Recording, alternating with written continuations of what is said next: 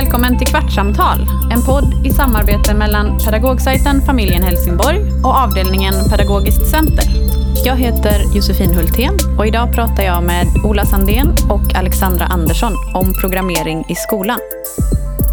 Så det finns jättemånga möjligheter Mm. mm. i alla ämnen. Ja, om man trycker på det som ett verktyg ja. och man ser möjligheterna så finns det verkligen många möjligheter. Mm. Ola, vilket var ditt första möte med programmering? Och det var länge sedan. Jag var i 13-årsåldern, var jag inne i stan och då var det Helsingborg. Och eh, en kompis visade att inne på Expert Heforma som var dåtidens, eh, ja, där man handlade teknik, det vill säga LP-skivor och tv-apparater. Så kunde, kunde man programmera på en av datorerna som stod där. Så visade han hur man kunde programmera två, två rader i Basic för att få sitt namn och scrolla över hela skärmen. Och då kände vi oss som två sådana riktiga Wargames hackers. Vi stod där och skrev in den här. Så rullade, jag tror det var något sånt Ola is best, eh, Ola is the best eller någonting. Scrollade över hela skärmen och så gick vi ut därifrån och kände så som vi hade gjort någon sån digital graffiti. Vi var så sjukt coola. Men det var min eh, första, absolut första kontakt med programmering. Oh, kul. Alexandra då, vad är ditt eh, förhållande till programmering? Eh, ja, jag har väl använt mig av eh, programmering i eh, undervisningen tidigare, innan jag jobbade här på Pedagogiskt center. Och då har det väl egentligen varit Kojo, som är ett textbaserat programmeringsverktyg. Men också Arduino som jag har använt mig av i teknikämnet. Vad kan man säga att programmering är egentligen då? För det, det är ju många som blir lite rädda sådär, som jag blir nu. Eh, att man blir rädd eller avskräckt för begreppet programmering kanske handlar mer om att man eh, man, man har redan en, en bild av vad programmering och programmerare är. Eh, mm. Men man kanske inte riktigt eh, förstår vad den ska vara i, i klassrummet, i undervisningen. Första bilden man får upp kanske när man tänker på programmering så är det textprogrammering, syntax. Mm. Och att det känns jätteobegripligt och nördigt. Ja, nördigt. Det är så här, män i, män i flint gör sånt. Det gör ingen annan. Men även skämt åsido, mm. men det är väldigt långt borta från att kanske använda sitt skolsammanhang. Men sen om man tittar på pedagogerna som arbetar i dagens skola har ju inte det i sin eh, befintliga utbildning. Eh, så mm. rädslan kan ju komma därifrån också, att man känner att man kanske inte riktigt behärskar det. Mm. Men vad kan man säga då att det ska vara i, i klassrummet för de här Tittar man i bredd så är programmering en del av en digital kompetens. Och då ser ju Skolverket på det som ett verktyg, ungefär som att jag gör en podd eller jag filmar eller mm. jag gör en annan typ av produktion kring, kring text i, uh, i skolan. Men tittar man mer på teknik och matte, alltså ämnesspecifikt, så är det ju framskrivet på ett annat sätt och att man ska använda det mer på ett specifikt sätt. Som i tekniken är ju förändringen bland annat, kan du bättre Alexandra? Ja, det är ju framförallt alltså styr och reglertekniken. Tidigare så skulle man ju eh, använda sig av pneumatik, alltså lufttryck. Mm. Eh, även hydraulik kan man ju använda såklart, vatten. Men eh, nu, nu har ju det övergått till att det står programmering istället. Så nu ska du till exempel kunna programmera en, en broöppning för att ta något enkelt exempel. Man kanske har byggt någon form av konstruktion som sen ska kunna röra sig med hjälp av digital teknik. Mm. Och det är där de här begreppen kommer in som vi pratade om tidigare, mm. Arduino eller microbits, utan det är ju styrkretsar som är kopplade till små motorer. Men de styrkretsarna måste ha någon typ av programmering i sig för att kunna utföra det här som ja, man har tänkt. Eh, varför tror ni att eleverna tycker att det är så roligt med programmering? För att det är lustfyllt, precis som du säger, och för att det engagerar på ett annat sätt. Jag tänker att jag kanske i matematiken använder mig av vissa metoder för att lära mig, men sen så plötsligt får jag att använda ett annat verktyg som kanske känns modernare och talar sin samtid på ett annat sätt. Jag tänker att det sätts i ett sammanhang. Mm. Mm. Och att det blir viktigt på riktigt, det vill säga att vi, vi gör någonting i klassrummet som inte bara är en, en övning och en produkt som som stannar i klassrummet utan jag kan faktiskt dela med mig direkt. Jag skapar någonting, låt säga i verktyget Scratch. Jag kan dela det med eleverna, eleverna får utveckla det och jag kan mm. publicera det vidare och låta andra utveckla och använda mig av det. Och att det är lite så som man jobbar gängse med diverse digitala produktioner kring ja, men programmering generellt. Mm. Att jag har möjlighet att söka hjälp via, via webben på olika sätt och så. Att det, att det blir ja, viktigt Mm. på riktigt. Ja, och sen eh, entusiasmerar du oftast elever som kanske i vanliga fall tycker att skolan är rätt tråkig. Eh, Okej. Får helt plötsligt eh, andra verktyg att visa vad de kan.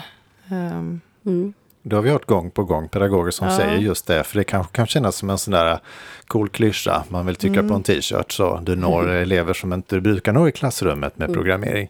Lätt nej, att säga men men, återkommande. Ja. återkommande. Mm. Likväl som vi har pedagoger som säger att ja, men de, de mest högpresterande eleverna, de blir lite så perplexa och vet inte riktigt för att nu är det plötsligt en annan utgångspunkt. Mm. Elever som är vana vid att få tydliga instruktioner kring hur en uppgift ska lösas Ja. blir helt plötsligt... eh, Ja. För här finns det många möjligheter hur jag kan lösa uppgiften som exempel. Mm. Det blir mer Mm. laborativt. Jag tycker det låter superkul. Jag vill också programmera. Ja, det är bara att komma hit. Du är välkommen. Då tar vi det nästa gång. Eh, ja, om man då har kanske, om man själv är sugen men man har kollegor som tycker att det verkar krångligt eller läskigt eller något. Hur kan man få kollegorna att tycka det är kul? Ja. ja. Nej, men först och främst så måste man nog eh, eh, dela med sig av sina egna erfarenheter och kanske visa på eh, bra, goda exempel där man ser att eh, användandet av programmering och digitala verktyg faktiskt har gett en effekt, en Mm. positiv effekt. Ehm, och sen det här med att sitta själv, vad brukar vi säga Ola?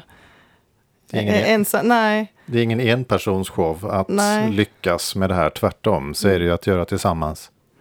Och våga misslyckas. mm, Gå från ett klassrum och säga till sina, kollegor. kollegor. Ja, det gick inte riktigt som jag hade tänkt mig. Hur gjorde du i ditt klassrum? För Mm. att även om det kanske optimala situationen är att vi besöker varandra i varandras klassrum och tar del av det så kanske inte tiden finns där. Och, och delar vi inte med oss av erfarenheterna så kan, har vi heller inget att bygga vidare på. Och även att eh, rektor ger möjlighet eller skolledare ger Mm. möjlighet att man träffas. träffas Mm. och att man får eh, välja ett verktyg som man känner passar och att skolan eller kanske årskursen väljer ett verktyg. Nu gör vi det här, vi håller ut, vi håller i och vi håller ut och vi eh, vågar göra det och vågar eh, utvärdera det också. Mm. Så att det inte bara blir en sån här kul grej vi kan göra på fredagen när vi har ett utrymme utan att det Mm. verkligen blir det här verktyget vi har tänkt oss att det ska, ska bli i undervisningen för eleverna. Sen Mm. finns det ju ibland en rädsla just det här. Som lärare eller pedagog så är det oftast van att vara den som besitter ämneskunskaperna. Kommer en elev och frågar dig om någonting så kan du oftast svaret. Och här finns det väl då en viss risk, oro, rädsla för att eh, det finns de elever i klassen som faktiskt kan, kan mer än du själv. Mm. Och det kan ju bli hämmande. Mm. Att man eh, faktiskt inte vågar testa. Inför det här programmet pratade vi mycket om eh, ämnen och sådär och hur man liksom kan koppla programmering till eh, andra ämnen. Jag lyssnade för det är lite mer än ett år sedan på Maria Fransén som är bildlärare på Högå, Högåsskol, Högåsskolan i Knivsta tror jag den heter. Nu kan jag ha fel här så att Maria kanske hör av sig och är förbannad sen. Hon är första lärare och bildlärare hon har använt sig av verktyget Scratch för att levandegöra och eh, gör, levandegöra och göra konst mer interaktivt med berättelser och så. Det är många stora konstmuseer som lägger ut sina verk högupplösta så att man kan jobba med dem i klassrummet eller om man vill ha det privat på något vis. Och då har hon gjort på det viset att eleverna har fått skapa berättelser kring konsten. Så vad, vad händer i bilden? Och, och att det kan vara en, en, en del av undervisningen. Så att det fick upp ögonen för mig lite att ja, men programmering kan vara så mycket mer utifrån att det är ett verktyg. Mm. Och då ska man väl understryka att Scratch är inte textprogrammering. Scratch det är blockprogrammering. Mm. Ja, och som sagt var i matematiken och tekniken är det ju framskrivet på ett annat sätt. Mm. Alltså där är det kanske lite tydligare, man vet vad man ska göra. Men vi har ju haft eh, pedagoger här på fortbildningar som undervisar i svenska, engelska, eh, ja, nu nämnde du bild, men idrott till exempel, Mm. som väljer att använda sig av eh, Scratch i sin undervisning. Och när det kommer till, eh, vi brukar försöka betona det här med förmågorna, att det är ju faktiskt Mm. de som ska bedömas eh, inte det centrala innehållet. Och tittar man då på svenskan till exempel, där man ska kunna samtala eller föra ett resonemang, så kan man ju använda sig av Scratch som ett verktyg.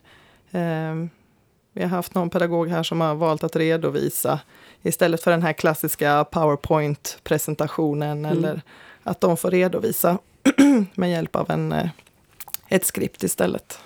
Mhm. Så då- programmerar de alltså vad som ska sägas typ, Ja, precis. Mm. i Scratch? Eh, ja, du kan skapa två spritar då, som man Mm. kallar de här. Mm. Två figurer. Två figurer, Ja. ja. Som då kan samtala med varandra. Och eh, ja, det var en förskoleklasspedagog här också. Som, eh, som valde liksom att jobba med engelskan genom att man klickade på olika djur och så lägger man till läten och Mm. vad djuret heter på engelska eller på svenska då. Mm. Så det finns jättemånga möjligheter Mm. Mm. i alla ämnen. Ja, om man trycker på det som ett verktyg och man ser möjligheterna så finns det verkligen många möjligheter. Mm. Ja, vad kul. Eh, jag säger att jag hade en fråga här om eh, förmågorna just. Så nu tog du upp det Alexandra. Men finns det något mer man kan säga om det här med bedömning och progression och så? Ja, vi möts ju alltid av den eh, frågan just kring bedömning och progression. Alltså hur ska det bedömas? Ehm, och det ska ju inte bedömas som sagt var, Mm. utan eh, man får titta på den eh, befintliga undervisningen och försöka redan innan vad, planera för vad, vad man vill eh, titta på och vad man ska bedöma. Vi brukar ju dra parallellen Ola med eh, filmen också som ett verktyg i undervisning. Att det är ju, du bedömer ju inte en film om eleverna nu väljer att spela in en film om något ämne, projekt, Nej. så är det ju inte filmen som bedöms, utan det är ju vad som tas upp i filmen. Och det är ju lite samma sak när det kommer till programmering. Ja, Ehm, och progression, det var väl du lite inne på det här. Mm. Häng i, håll ut. Alltså att Mm. hålla på och byta verktyg bara för att man tror att det ska ske en naturlig progression. Det, det behöver absolut inte bli så. Eh, sen är det klart att gå från block till text, det blir ju en typ av progression såklart. Mm. Men att hålla på och tro och byta, vilket jag själv har en Mm. erfarenhet av att jag gjorde när jag började undervisa programmering, att man valde ett verktyg i sjuan och ett i åttan och ett i nian. Det, Okej. det blir bara ett nytt verktyg som eleverna måste sätta sig in i. Du kommer aldrig riktigt ner på djupet. Mm. Mm. Så mitt tips är att jag våga, våga stanna kvar, bestäm er för ett verktyg och jobba med det. Bli Mm. bra på det. När man ska gå från block till text så finns det ju en, eh, en vits med, tänkte jag säga, att, eh, att man ger dem ett befintligt skript. Pratar vi mycket termer här igen, men Mm. att de får ett befintligt eh, skript där de endast behöver eh, ändra på någon variabel. Mm. Det kan vara till exempel en lysdiod som står och blinkar med en, en sekunds mellanrum och sen kanske man ändrar den där ettan till tvåan eller Mm. man tar 0,5. Mm. Eh, Att man får exempelkod att Exempelkoden, ut, ja. utgå ifrån. Så att, och i den kan man då skruva och ändra på saker. Ja, det ger en, en förståelse lite för vad det, vad det är som står där. Även om man Mm. kanske inte hade kunnat skriva koden själv så förstår man lite vad den innebär. Mm. Och även då om det är mer visuella, det vill säga när jag kör koden att det är mer visuella saker som händer.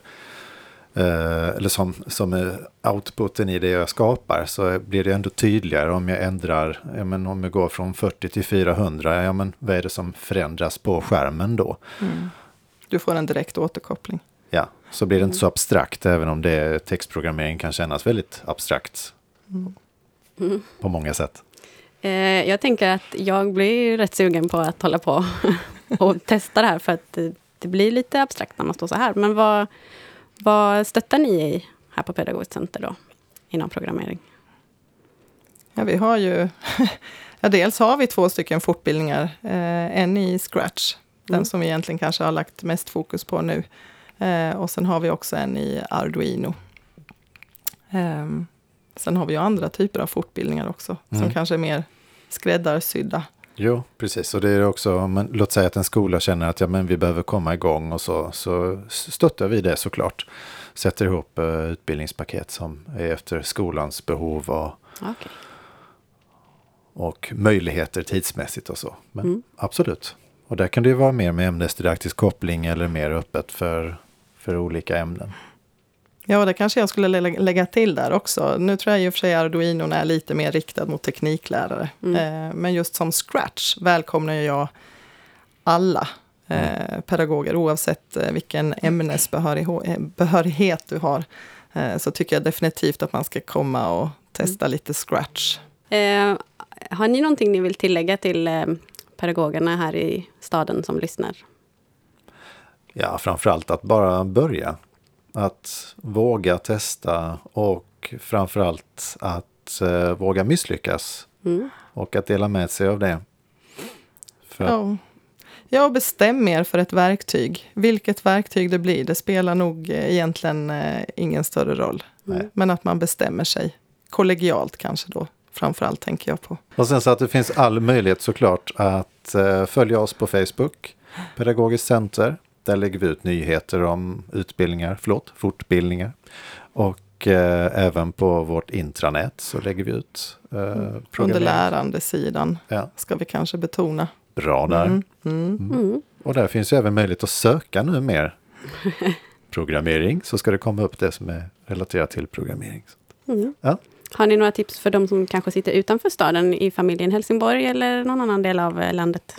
Ja, då skulle jag säga digitala lektioner. Är en fantastisk resurs.